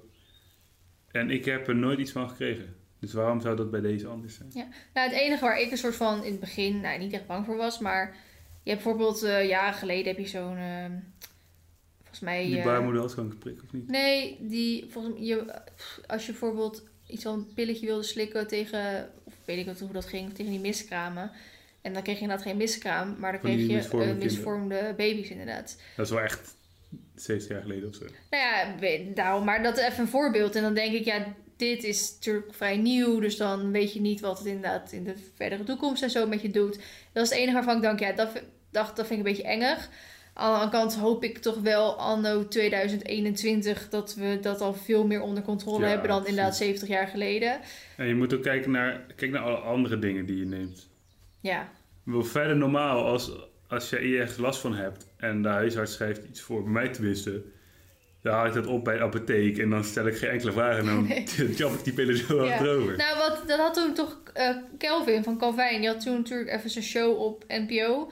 En die was toen met de, ehm, met, met de dingen van eh, paracetamol, bijwerkingen van paracetamol, was hij de straat op gegaan. ja, en klopt, had hij ja. erbij Zou je dit nemen? Dit zijn de, de bijwerkingen van, eh, van COVID-vaccinatie. Zou je hem dan nemen? En iedereen zei: Nee, dat doe ik niet. En toen zei hij: van, Wat ik nou als ik vertel dat het de bijwerking van paracetamol zei. Ja, iedereen heeft een keer in zijn leven Ja, paracetamol precies. genomen. Ik zag ook een ding van een guy, die had, want je had bij sommige van die vaccins had je kans van 6 op de miljoen, geloof ik, die dan die trombose ontwikkelde. Hmm. Die nou ja, potentieel dodelijk wel kan zijn, als ze er te laat bij zijn. En die guy die had zijn bijsluiter van zijn ADHD-medicatie had hij erbij gepakt. En die bijwerkingen waren kans van 1 op de 10.000. Hmm. En daar stond letterlijk bij hartfalen, eh, einde van leven, zoiets. Echt veel heftiger. Ja, maar dat is is 1 op de 10.000 en dat, dat is ook gewoon normaal om te Ja. nemen. Ja, maar net zoals weet ik veel roken. Gewoon iets heel simpels. Dat ook, ja, het is toch wel een soort van bewezen dat je daar sneller Ja, kanker van kan krijgen. ja. Of, of nou ja, in ieder geval heel veel andere dingen slechter van gaan. Je huid, je tanden, je weet ik het wel, je conditie en zo. Dus dan, en we, ik ben gezond, zover ik weet. Dus daarom ben ik er niet zoveel bang voor om Nee. dan die te nemen voor eventuele bijwerkingen. Wat ik wel ehm, vind, en dat is iedereen's persoonlijke mening. eh, voor mensen die het niet willen, om wat voor reden dan ook, omdat ze het niet vertrouwen, vanuit geloofsovertuiging of wat dan ook. eh, om die zeg maar dan ja, eh, toegang te verbieden tot bepaalde plekken, dat vind ik een persoonlijk ver gaan.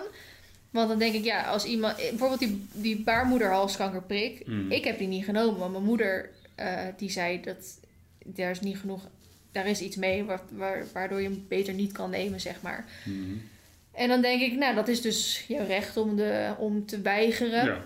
Uiteindelijk ben je natuurlijk baas over je eigen lichaam. Precies, dus ik vind inderdaad wel, als jij hem niet wil, inderdaad wat voor reden dan ook, vind ik eigenlijk niet dat je geweigerd mag worden op, op plekken. Maar ik snap ook wel weer dat als jij bijvoorbeeld die vaccinatie wel hebt gehad, dat jij dan bijvoorbeeld ehm, wel toegang hebt tot een evenement of zo. Of iedereen die gevaccineerd is, die wel toegang heeft, maar dat dat dan tijdelijk is, zeg maar. Dus totdat misschien iedereen die wil gevaccineerd is, dat de mensen die dan wel gevaccineerd zijn, misschien even tijdelijk eerder toegang hebben tot bepaalde dingen. Eh, maar absoluut niet voor altijd of zo, zeg Maar wat natuurlijk een beetje het probleem is, ja, ik ben een- geen kenner, maar absoluut niet. Maar volgens mij, zeker met van die virusziekten zoals dit, je hebt dat ook met de bof of zo. In ieder geval, zo'n ziekte die, die kleine kinderen veel kregen vroeger, die Mhm. best gevaarlijk kan zijn. Daar kwam een vaccin tegen. Dat is zo'n, die ziekte komt bijna helemaal niet meer voor. En dan, omdat er nu steeds meer ouders zijn die ervoor kiezen om hun kinderen niet in te laten enten, omdat ze denken dat het nou, Hmm, slecht voor het kind ja, kan zijn maakt zo'n ziekte ook weer een comeback. Dus zo'n vaccin is pas echt effectief als zoveel mogelijk mensen hem hebben. Dus op het moment dat jij, nou ja, zegt aan de ene kant, iedereen is baas over zijn eigen lichaam. Maar als jij dus het ook toestaat dat heel veel mensen het niet nemen en wel gewoon al dezelfde dingen doen, Mhm. Is het vaccin bij de mensen die het wel hebben ook wel gelijk weer minder Ja. effectief volgens Ja, dat was toen, eh, dat, dat is inderdaad toen volgens mij twee jaar geleden of zo, drie jaar geleden best wel ter sprake geweest. Want Romy Oudshoorn, weet je dat nog? Die heeft toen inderdaad die kinderziekte gehad. Ik weet, dat was dus niet de bof, dat was iets anders of zo. Waar zo'n heel erg ziek van is geweest. En ook echt wel een soort van, nou ja, in de gevarenzone volgens mij voor zat.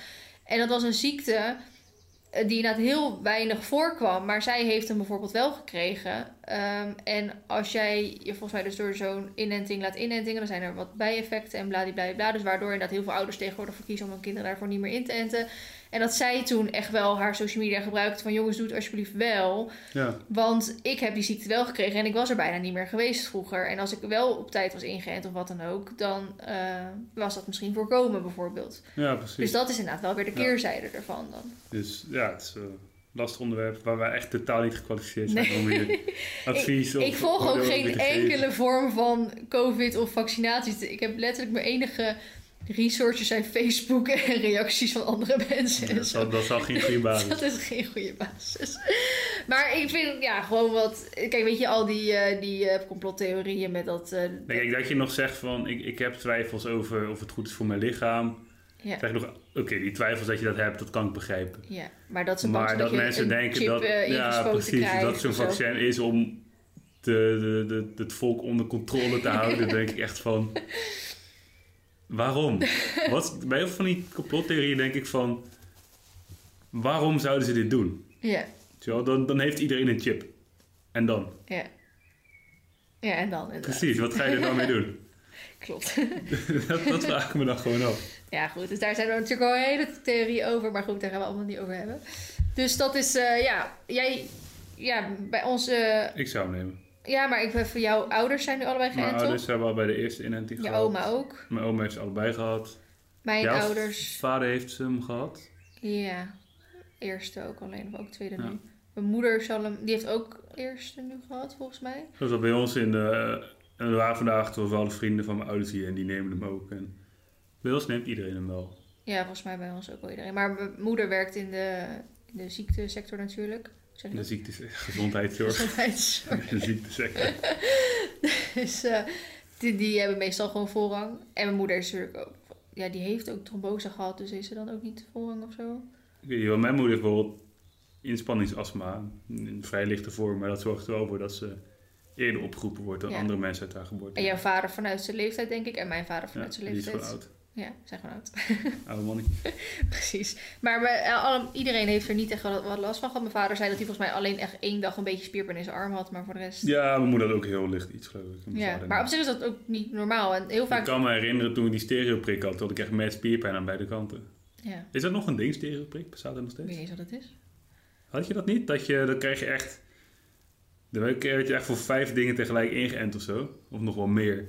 Maar dan kreeg je tegelijkertijd aan beide kanten een prik. Dus één in je linkerbovenarm en één in je Oh ja, nou ja, maar zo was, was ik zo jong, dat weet ik allemaal niet meer. Was- en Ik was weet, het enige zo, is dat, dat, dat, dat mijn zus echt met zes man tegelijkertijd vastgehouden moet worden. Want mijn zus haat prikken. Ik vind het ook eerlijk En, gezegd en dan zat ik daar zo. En het enige is wat ik mezelf heb aangeleerd. Ehm, waardoor het gewoon heel veel chiller is. Je gaat je gewoon automatisch een beetje aanspannen. Omdat het toch altijd wel een beetje Ja, spannend dat blijft. moet juist niet. En dan doet het zoveel meer pijn dan dat je je gewoon inderdaad relaxt. Dan voel je het echt bijna niet. Ik had de laatste keer dat ik ingeënt werd, dus nou, echt alweer lang geleden, was voor mijn eerste stage toen. Moest ik ingeënt worden tegen, weet ik veel, hepatitis A, B, C, whatever, en nog wat tropische dingen. En toen zei die dokter ook van, ja, je moet je ontspannen. En dan zei ik van, maar ik ben ontspannen. Ja. Nee, je bent nog steeds ontspannen. ja, je gaat over helemaal naalden in mijn arm steken. Wat verwacht je? Echt, hè? Maar dus, ja, ik moest toen eh, bloed af laten nemen. Maar ik zou, ja, dat het is echt al acht jaar geleden. Ik zou ook echt niet meer weten. Nou, bloed afnemen moet je, daarvoor moet je niet meer weten. nee, dat valt shirt flauw. Ik kan niet goed tegen. Je hebt wel jarenlang eh bloed Ja, over lang. mee Ik heb denk ik vier of vijf pogingen gedaan om bloed te geven. En ik heb ook altijd bloed gegeven. De keer dat ik daar ging, dan lukt het ook wel. Maar Hmm. Ik ging echt bad daarop. dat ik Maar- gewoon bijna knock-out ging. Helemaal lijkbleek werd. En ik weet nog steeds niet of het nou echt komt dat ik niet... Ja, ik kan gewoon niet goed tegen mijn eigen bloed zien. Maar het Van zien- andere mensen... Ja, je hebt iemands armen bijna afgehakt zien worden. Dus eh, Ja, dat, ja, maar dan heb je ook heel veel adrenaline. Dat is een Ja. Maar, maar dat van mezelf vind ik gewoon niet chill. Toen ik op vakantie Curaçao, toen stootte ik mijn grote teen. Ja, best wel flink. Ga- Gaat ze lachen. Maar dat was wel best wel nasty wondje. ja. En toen, toen werd het gewoon zwart voor mijn ogen. Ik zag gewoon niks meer. Dat was zo fucking vaag. dat is zo Toen stond ik daar echt van, twee, ik zie niks meer. En dan stap je natuurlijk dat ding helemaal stuk gaan.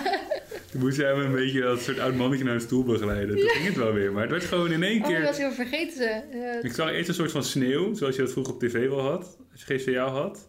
oh, ja, ja. En het werd steeds sneeuwiger en toen was het gewoon donker. Ik zag helemaal niks meer. Ja, bizar. Het is zo raar. Een beetje bloed. Ja. Schattig. Ik heb, eh, ik, ja, ik wist eigenlijk helemaal niet dat bloed geven echt een ding was of zo, denk ik. Ja, dat, ik denk dat het wel bestond, maar niemand in mijn omgeving deed dat of zo. En toen wist ik dus dat jullie eh, dat allemaal deden. Mhm. En toen had ik me dus ook in laten schrijven. Weet je nog? En ik ben nooit meer geweest. ik, Ik werd, ik werd best wel gebullied door mijn vader toen Hmm. ik stopte met geven van... Ah man, moet je gewoon doen. Ja, ja, ja. Maar ik vond het zo niet chill. Zo'n niet chille ervaring. En dat werd voor mij ook een ding dat ik, ik ging er dus super erg tegenop zien. Want ik schaamde me een soort van ervan. Want je hebt Mm. Al die mensen die komen daar, die gaan zitten, die eten een roze koek, die drinken een theetje of een koffie, geven een halve liter bloed of hoeveel het ook is, staan op en gaan weer weg. En dan ben ik de guy die daar komt en die gaat zitten in die stoel en die wordt steeds witter en witter en witter en die valt dan half flauw. je. Ja, je, wil niet die persoon zijn, dus dan was ik al gespannen waar ik erheen ging. En dan kwam ik daar en dan doen ze van tevoren een beetje je hartslag en je bloedwaarde en zo. Mm. En zei hij, oh je hartslag is wel hoog. En dan zei ik van, ja ik heb net hard gefietst. Want eigenlijk was ik gewoon fucking gespannen voor dat geven. Om, eh, om te gaan vliegen. Ja, dus ja, ik, ik, ik heb dan zoiets van, ja, bloedgeven is een goed ding om te doen, maar als het je zoveel Stress opleveren. stress en spanning en... Ja, en blijkbaar vindt je lichaam het gewoon misschien niet chill of zo. nee, Of dan, het inderdaad nou mentaal iets is of echt lichamelijk iets is. dan heb ik zoiets van, dan doe ik het gewoon niet. En dan vind ik dat ik ook een goede reden heb om het niet te doen. Ja. ja ik, mijn, mijn reden was niet echt heel erg legit. Maar, nou, misschien ook wel. Maar volgens mij als je bloed hebt gegeven, dan mag je even twee dagen ni- niet echt ins- inspanning leveren of zo, toch? Mhm. En ik deed toen... Draden aan, ja. Ja, en ik deed, nou, had toen eh Marley natuurlijk al en eh, was wel fanatiek daarmee en ook nog wel wat andere dingen en zo. En toen dacht ik echt van ja, maar als ik dus, dat zag ik gewoon zo van niet zitten of twee, drie dagen niet meer een stal te mogen uitmesten. En Ja, maar het is ook niet... Een stal uitmesten mag wel, maar je moet niet een marathon of zo gaan rennen. nee, precies, maar dat, dat, ik dacht oprecht dat ik gewoon drie dagen niks mocht doen. En daarom ben ik toen nooit meer gegaan. Jongen, jongen. Zij is me denk maar gewoon gestopt met eh, oproepen nummers. Ja, dat vond ik ook, oh nee, dat vond ik ook vooral irritant. Je krijgt dan een oproep van je, je, Je, mag weer. je mag Wanneer weer. kom je langs? En nee, maar volgens mij meer een datum of zo. Van deze datum, of tussen deze ik deze datum. Ik deed elke keer, want op een gegeven moment toen... Ik ben een paar keer gegaan en op een gegeven moment had ik eigenlijk al de keuze gemaakt van... Ik wil het niet meer doen. Mm. Maar ik wilde me ook weer niet afmelden, want dat voelde ik een soort van... Ja, ik, ik, zeker als ik dan zou bellen van, joh, ik kom niet meer. Dan weet ik zo door de telefonist te zeggen van, oh, maar wil je het niet nog een keer proberen? En eh bla, bla. Maar toen, dus toen heb ik echt een jaar lang of zo, dan kreeg ik elke keer zo'n oproep in de post en dan Mm. weg, uitstellen en dan kwam die weer en dan kwam die weer. En elke keer kreeg ik de vraag van mijn ouders van, oh, wanneer ga je nou, wanneer ga je nou? En Mm. het is niet chill. Ja, bij mij, ja, ik kan me herinneren in ieder geval dat het inderdaad dan was, nou je moet tussen op, op deze week of zo Ja, kan je komen. En dat ik denk, ja, ik had precies een wedstrijd dan of eh, een training of een weet Ja. ik wat. En denk ja, dat komt mij helemaal niet uit dan eigenlijk. Het was eigenlijk meer van, nou, ik zou het wel chill vinden als ik denk, oh, deze week heb ik rustig, kom nu even bloed brengen of zo. Ja. Maar goed. Ze hebben trouwens, want mijn, mijn zus en mijn moeder die geven plasma. Dus dan gaat zeg maar je bloed uit en dat gaat dan door zo'n apparaat. En dan halen ze bloedplasma eruit en dan de rest van het bloed krijg je weer terug. Dus dat schijnt dan voor je lichaam een mindere klap te zijn. Hmm.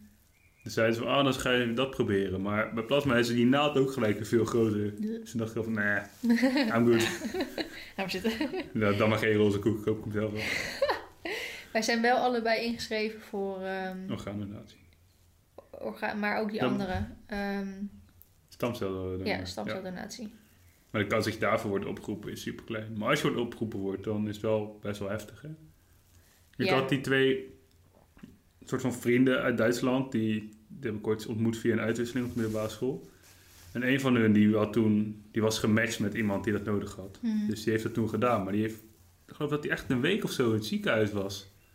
Want ze gaan het helemaal uit je ruggenmerg halen en Hmm. je moet helemaal voorbereid worden. Dat was best nog wel een dingetje. Hmm. Het is niet van, oh dan neem je het even af en klaar. Nee, zeker niet.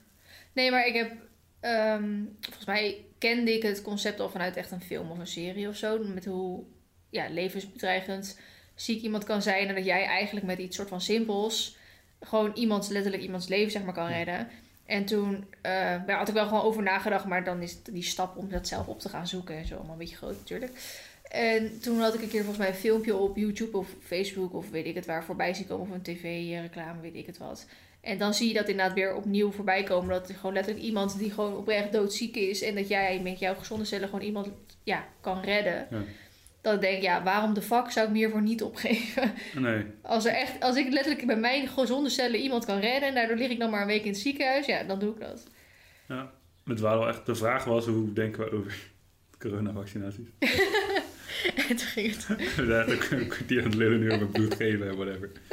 Dus back to the, to the questions. Ja, nou ja, er zijn nog twee vragen. Maar ik, ik vind het ook, we zijn echt al meer dan een uur bezig. Ja, hè? nou, we gaan het afmaken ook. Nou ja, die vragen zijn echt. Ik, ik denk dat mensen uiteindelijk leuker vinden dat wij zo'n gesprek over een onderwerp hebben. dan dat we een beetje halfbakken vragen gaan zitten antwoorden. Ja, maar ik, ik, ik zie die vraag ook meer als het een leuke vraag is. Het is een soort goed opstapje naar Ja, oké. een gesprek zoals we net hadden. Ja. Zo. Nou, kijk, er zijn nog maar twee vragen over. Zijn niet extreem boeiend om te beantwoorden, maar omdat jij het graag wil. Eh, zo te zien ben je heel handig met klussen. Van wie heb je dat geleerd? Ik neem aan dat het aan voor jou gericht is. En van mijn vader, denk ik. Weet ik Ja, en aan boord. en een boord. En sowieso, wat het is met, met naar mijn mening, er zijn maar weinig mensen die echt twee linkerhanden hebben. Hmm, Maar de meeste mensen die hebben het gewoon nog nooit gedaan. hmm, Die zeggen dan van tevoren al van, ah ja, ik, heb, ik ben niet handig, ik kan dat niet. hmm. Maar het meeste is helemaal niet moeilijk. Als ik het kan, kan jij het ook. Je moet het een paar keer gedaan hebben. Je moet Ja. gewoon eventjes... En, en even inderdaad Zorg dat iemand... je begint met iets wat niet te moeilijk is. En waarvan het ook niet erg is als het fout gaat. Wat je Mm. gewoon nog een keer opnieuw kan doen. En probeer het gewoon. En dan zul je zien dat het... Misschien duurt het de eerste keer al lang. En het is helemaal niet zo moeilijk. En dan ga je het steeds vaker doen. En Maar bijvoorbeeld met, ehm, met die, die waterleidingen die jij hebt doorgetrokken in de inloopstal. ja. Denk, ja, dat klinkt als iets super moeilijks, maar dat, eigenlijk is dat echt super makkelijk om Nee, te doen. zeker als je van die koppelingetjes gebruikt. Dan Ja, nou ja, kijk, in elkaar. in, in elk geval geldt, goed gereedschap is echt het halve werk. Als Ja, je maar Gewoon meer dan dat. het is ook wel, je moet echt weten wat je moet hebben. Want ja, jij stuurde mij naar de Hubo toe met een lijst en dan moest ik echt aan diegene vragen, wil je dit voor me pakken? Want ik zou niet zo weten waar ik zou moeten zoeken Maar dat leer je ook vinden. vanzelf. Ja, tuurlijk. Maar inderdaad, inzicht hebben van wat je moet hebben om iets te kunnen maken, dat is één. Ehm, maar eigenlijk, en jij hebt ook de, de elektriciteit natuurlijk in de zoudenkamer opnieuw doorgetrokken. En dat is dan iets ingewikkelder, omdat je natuurlijk echt met stroom en zo werkt. En met drie verschillende aansluitingen en zo. Maar uiteindelijk is het ook voor het grootste deel geval van kleurtje op kleurtje. En Ja, precies. Maar eigenlijk is het gewoon dat iemand even een keer meekijken of voordoen. Eventueel zelf een keer doen. Want dat is bijvoorbeeld, Sjoerd heeft mij in het begin echt misschien al tien keer uitgelegd hoe die boormachine werkt. Terwijl boormachine een van de makkelijkste dingen is om eigenlijk te hanteren. En ja, door het elke keer te doen, zeg maar, snap ik nu hoe die boormachine werkt. Maar hij kon me uitleggen wat ik wilde, maar ik snapte er geen zak van als ik dan zelf mee aan de slag moest. En op een gegeven moment ging ik er zelf maar mee kloten, omdat jij met iets anders bezig was of zo. Ja, en dan is het gewoon, die boormachine heeft eigenlijk twee standen, linksom, rechtsom. En dan moet je hem even een keer vasthouden en dan doe je hem een keer dit. En dan zie je wat er gebeurt en dan weet je eigenlijk allemaal wel hoe het werkt. Dus ja, inderdaad.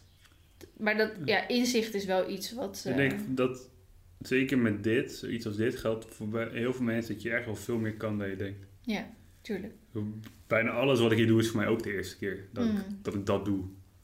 Maar als je ja, gaat proberen en dan gaat het de eerste keer fout, dan boeien en probeer je het opnieuw. Ja, Dit is, bijna, dit is niks wat niet gefixt kan worden. nee. Nee Oké, ja, je lijst kan instorten, dat is iets anders. Maar als jij een plankje zaagt en je zaagt verkeerd, nou, dan pak je een nieuwe. En heb je geen nieuwe, dan ga je naar de bouwmarkt. Dan haal je een nieuwe. En dan probeer je het gewoon nog een keer. Kijk, dingen zoals echt een muur doorbreken en zo. En een, eh, ja, precies, dat laten we doen. wat een draagmuur is, kijk, dat lijkt je natuurlijk liever doen. Maar ja, de simpele dingetjes. eh. Maar je moet inderdaad wel een beetje vaak weten waar je moet beginnen. Dat, Ja, eh, mensen denken dan vaak van, als slopen is makkelijk, dan ga ik slopen en dan laat ik de rest wel doen. Maar kan ook nog wel tegenvallen. Ja. Ja, en die kan, als je ongecontroleerd gaat slopen, dan kan je vaak meer dingen kapot maken dan. Toch? Ja, dat hebben we ook gezien. Dat hebben we dan laten doen, maar het bedrijf wat die pakketvloer bij ons verwijderd heeft, Hmm. die heeft in de mening van nou, degene die onze nieuwe vloer gaat leggen, hebben die heel slecht werk geleverd. Omdat die Mm. dus niet alleen de vloer beschadigd hebben, maar de onderliggende betonvloer ook echt. Of nee, ik zei vloer beschadigd. Hmm. Ze hebben de pakketvloer verwijderd, maar ze hebben ook de onderliggende betonvloer op best wel veel plekken diep beschadigd. Hmm.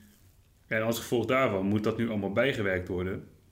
Waardoor uiteindelijk dat bedrijf wat wij gekozen hadden, ja, omdat zij een paar honderd euro goedkoper waren, Hmm. uiteindelijk En pakt het duurder uit. Ja. Dus dat is ook al, daar hebben we het laten doen, maar dan blijkt toch dat slopen niet zomaar slopen is. Nee. Want doordat zij te, te ruw te werk gegaan zijn, hebben wij nu veel meer werk om het te herstellen. Ja, klopt.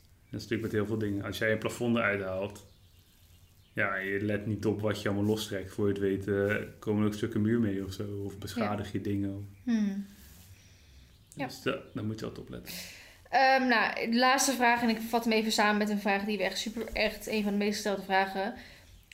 Eh, had je het huis gekocht als je wist dat de bok er was, als je gedoe met de bak was, als je wist dat je veel grotere verbouwing moest gaan doen, dus dat je op voorhand verwacht had? Het hangt een beetje af. Want bijvoorbeeld die boktor, dat leek even in het begin leek het echt een big deal. Hmm.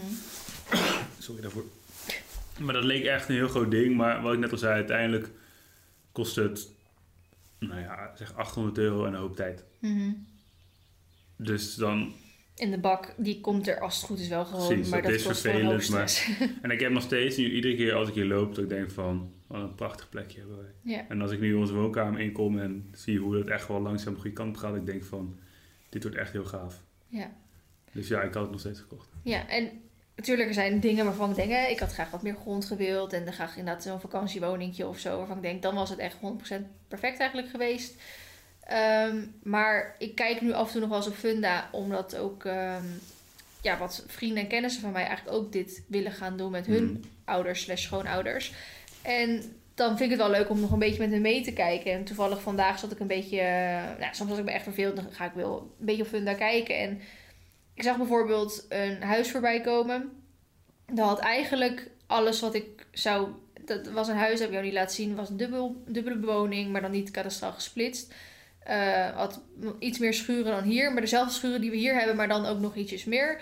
Had al een bak, had een paddock paradise, had genoeg land. Eh, nou, wel in de buurt van het bos, maar niet zo dichtbij als hier zo.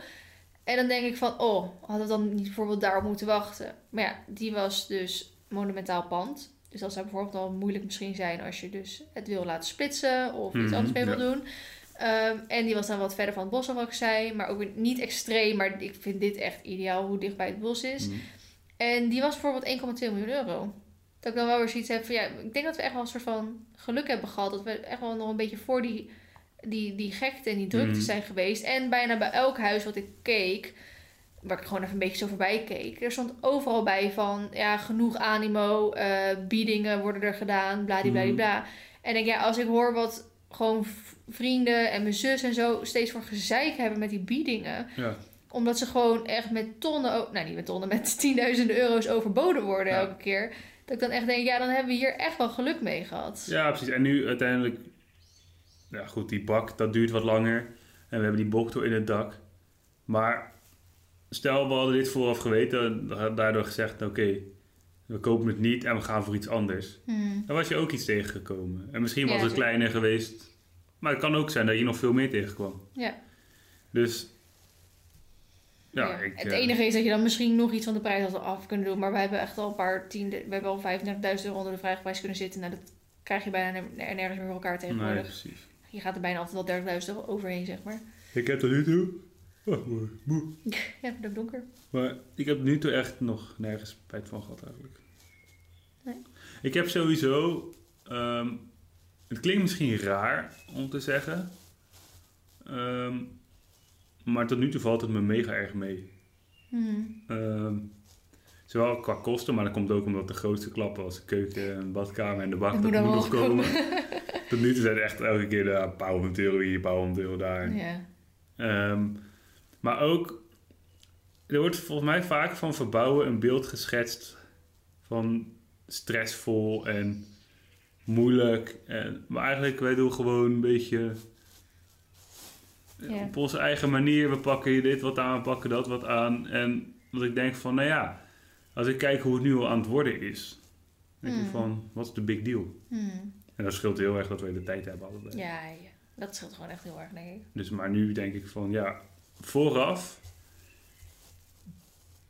dacht ik dat het soort van moeilijker zou zijn dan het is. Maar en, wat ik denk ook wel chill, chill natuurlijk is, is dat je ouders, eh dat we dit samen met je ouders doen, doe je vader is hier ook heel veel, waardoor we ook met hem altijd kunnen sparren ergens over. Ja. Even over gereedschap kunnen hebben, wat hebben we nodig, kan je even helpen, dit of dat. En je moeder, die komt natuurlijk ook vaak mee, die gaat dan lekker koken of die gaat even Die zorgt even schoonmaken.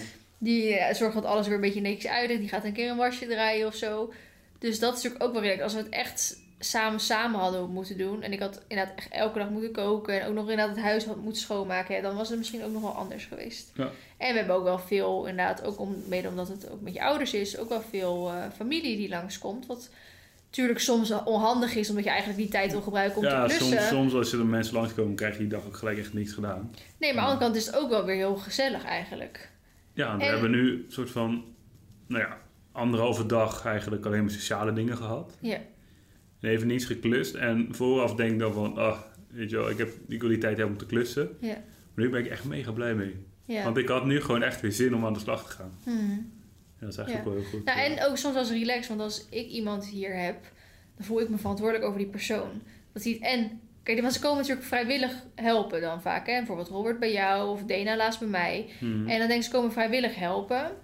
Ehm, dan wil ik, vind ik, eigenlijk- ja, wil ik eigenlijk ook dat de klusjes die ik met ze doe, dat ze dat ook nog als een soort van leuk zien, weet je wel? Dat we ze niet echt... Nou, ik, heb. Robert echt gewoon die stijger opgeschopt en gezegd, kom, schilder een beetje. Ja, maar heel veel mensen vinden schilderen ook nog wel eens leuk. En bij Robert zou dat ook nog wel kunnen doen, zeg maar. Maar dan, ja, dan denk je ook van... Oké, ik moet eh, soort van goed voor mijn gast zorgen. Mhm. En eh, genoeg... Eh, even een wandelingetje doen. Even, even lunchen nu. Zet ik ze niet te hard aan het werk. Terwijl het echt hartstikke meevalt. En dan ben je eigenlijk langer bezig... dan dat je het gewoon samen we zijn- of alleen zou doen. Mensen langs, gekomen, langs geweest bij jou, die dan kwamen helpen. Er loopt een kat onze oprit op, die niet van... Wow.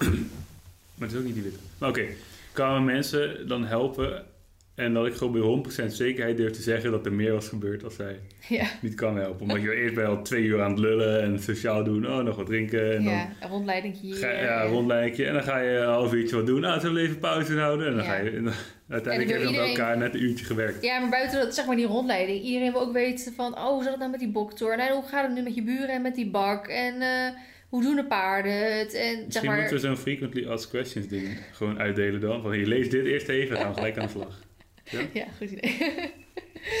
dus dat is soms inderdaad wel. eh, en ik heb bijvoorbeeld ook met een paar van die simpele klusjes. Waarvan ik dacht, oké, als vriendinnen komen. Kijk, want ik ga niet vragen aan hun, wil je plafond eruit slopen? Denk, dat doet Sjoerd maar en nou, dat eh, Nee. is hij projectleider van. Maar net zoals die onkruid uit, uit de wei halen, of dus de inloopstal schuren, of het kippenhok schoonmaken. Allemaal super makkelijke klusjes die, we met, die, die iedereen kan laten doen. En ik heb letterlijk, ehm, met niemand heb ik überhaupt één klusje kunnen volbrengen. Terwijl ik dacht, dit zijn allemaal zulke makkelijke, kleine, Mm. korte klusjes. Dan kan ik met één persoon kan ik dat in één dag volbrengen. En ik heb met geen van iedereen die langs is gekomen überhaupt één klusje kunnen voltooien, zeg maar. Ja. En toen ging ik een keer inderdaad zelf even aan de slag. Want jij was met je vader natuurlijk al vier dagen beton aan het boren. Toen dacht ik, ja, nu moet ik ook echt wel iets uit mezelf gaan doen. Toen heb ik al die lotjes in die kast heb ik af kunnen maken. Kippenhok kunnen schoonmaken. Weet je wel, allemaal dingen van ik Ja. denk, ja, ik was in mijn eentje echt tien keer sneller dan, Ja, dan met die meiden. Wat heel gezellig, is. Maar En leuk. zet qua klussen geen zoden aan de dijk eigenlijk. Nee, precies. En je hebt eigenlijk heb je iemand nodig dan die ook zegt van... joh, zullen we even nog doorpakken, Vlien? Of eh, zullen we dit nog? Wat moet er nog gebeuren? Ja, Eigenlijk iemand moet die even de schouders eronder zet. Ja, eigenlijk moet je iemand- hebben waarvan die denkt... oké, ik ben hier om te klussen, dan gaan we ook klussen. Ja, want de meesten komen eigenlijk stiekem gewoon voor het sociale. Ja, precies. Van even, En als ze het huis willen zien. ja, eh, natuurlijk. leuk. dat is ook helemaal prima. En helemaal goed inderdaad. Maar inderdaad, qua helpen is dat weer... Eigenlijk heb je niet zo heel veel aan. maar toch, toch leuk dat ze langskomen. Nou ja, kijk, met andere dingen. Want bijvoorbeeld, we- als straks die bakker op een gegeven moment ligt... moeten we... 500 eh beugagen. Ja, precies, dan denk ik wel van... joh, nodig even vijf vrienden uit... en doe dat even met z'n allen. Precies. het muziekje aan. Dan, Ja, dan, denk, dan maak je er gewoon een soort leuke sociale activiteit van of zo. Dat was een schilder ook een beetje. Toen met Ja. en Thomas. Ja. Nou, muziekje erbij. Een beetje kletsen ondertussen. En, Maar dan, dan weer, want wij hebben met z'n vieren in twee dagen tijd nog niet eens het hele plafond kunnen doen. En jij samen met Robert had gewoon in één dag tijd al eh, sowieso al we hebben in één dag hebben we evenveel gedaan als met vier man in twee dagen. zo'n beetje. oh ja. Ja, dat was dat. Maar dat kwam ook omdat het de tweede laag was. ja, dus het gaat sneller. Ja, dat gaat ook wel sneller. Maar ja, goed, je, Dus- inderdaad, je hebt minder. eh, ja, weet niet. Je hebt gewoon echt een taakverdeling en dan door. En dan, Ja, en dan als je er eenmaal daardoor erin zit, dan ga je ook door. ja. En dan is het...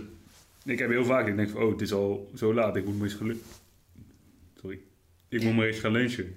Maar in plaats van... En anders zeggen mensen van, oh, we zijn al zo lang bezig, zullen we even gaan... Ja, Eh, Kom, we gaan vast even pauzeren. Ja. Zo, dan, ja, dat schiet ik niet op. Duurt, duurt weer een half uur voordat je, terwijl als je in je eentje bent, hup, boterham naar binnen en door. Ja.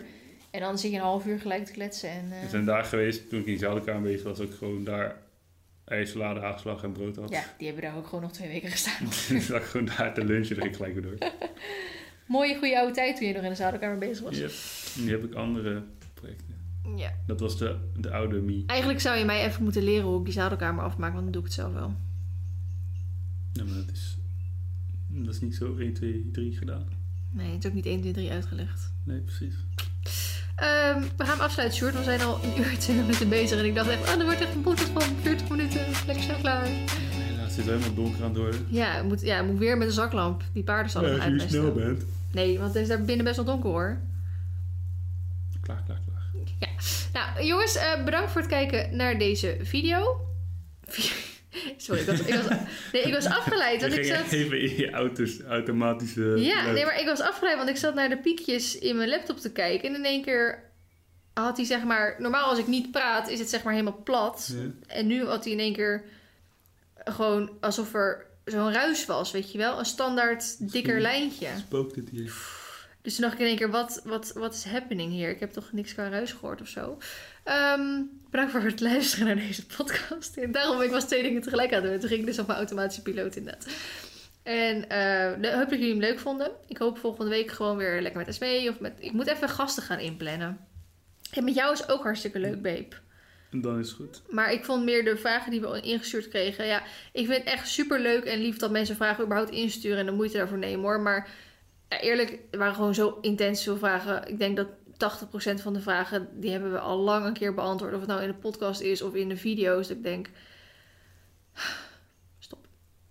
Maar goed, Ja. wel heel leuk voor de originele vragen in ieder geval. Maar misschien komt het ook omdat heel veel mensen de podcast eigenlijk niet luisteren dan. Die wel de vragen stellen. Ja, maar, ja, maar dan, denk, ja, dan denk ik altijd van, waarom? En maar ook nog steeds de vragen, wat voor ras is Marley? En dan denk ik echt, ach, als je... Of vragen, nemen jullie nog een hond? Of eh, willen jullie kinderen? Ik denk, dat hebben we ook al zo vaak beantwoord. Of Eh, wat zijn de, wat, eh, waar ben je op zoek naar als je een derde paard of een nieuw paard koopt? Dan denk ik, oh, dat heb ik al zo vaak gezegd. Stop it. dus ja. Het is gewoon lief dat mensen geïnteresseerd Ja, tuurlijk, super lief, maar soms dan kan dat een beetje irritant zijn. Snap ik wel. Oké, nou bedankt voor het luisteren allemaal. Superleuk dat jullie geluisterd hebben. Mocht je nog ergens vragen over hebben, laat het ons gerust weten in onze Instagram DM'tjes.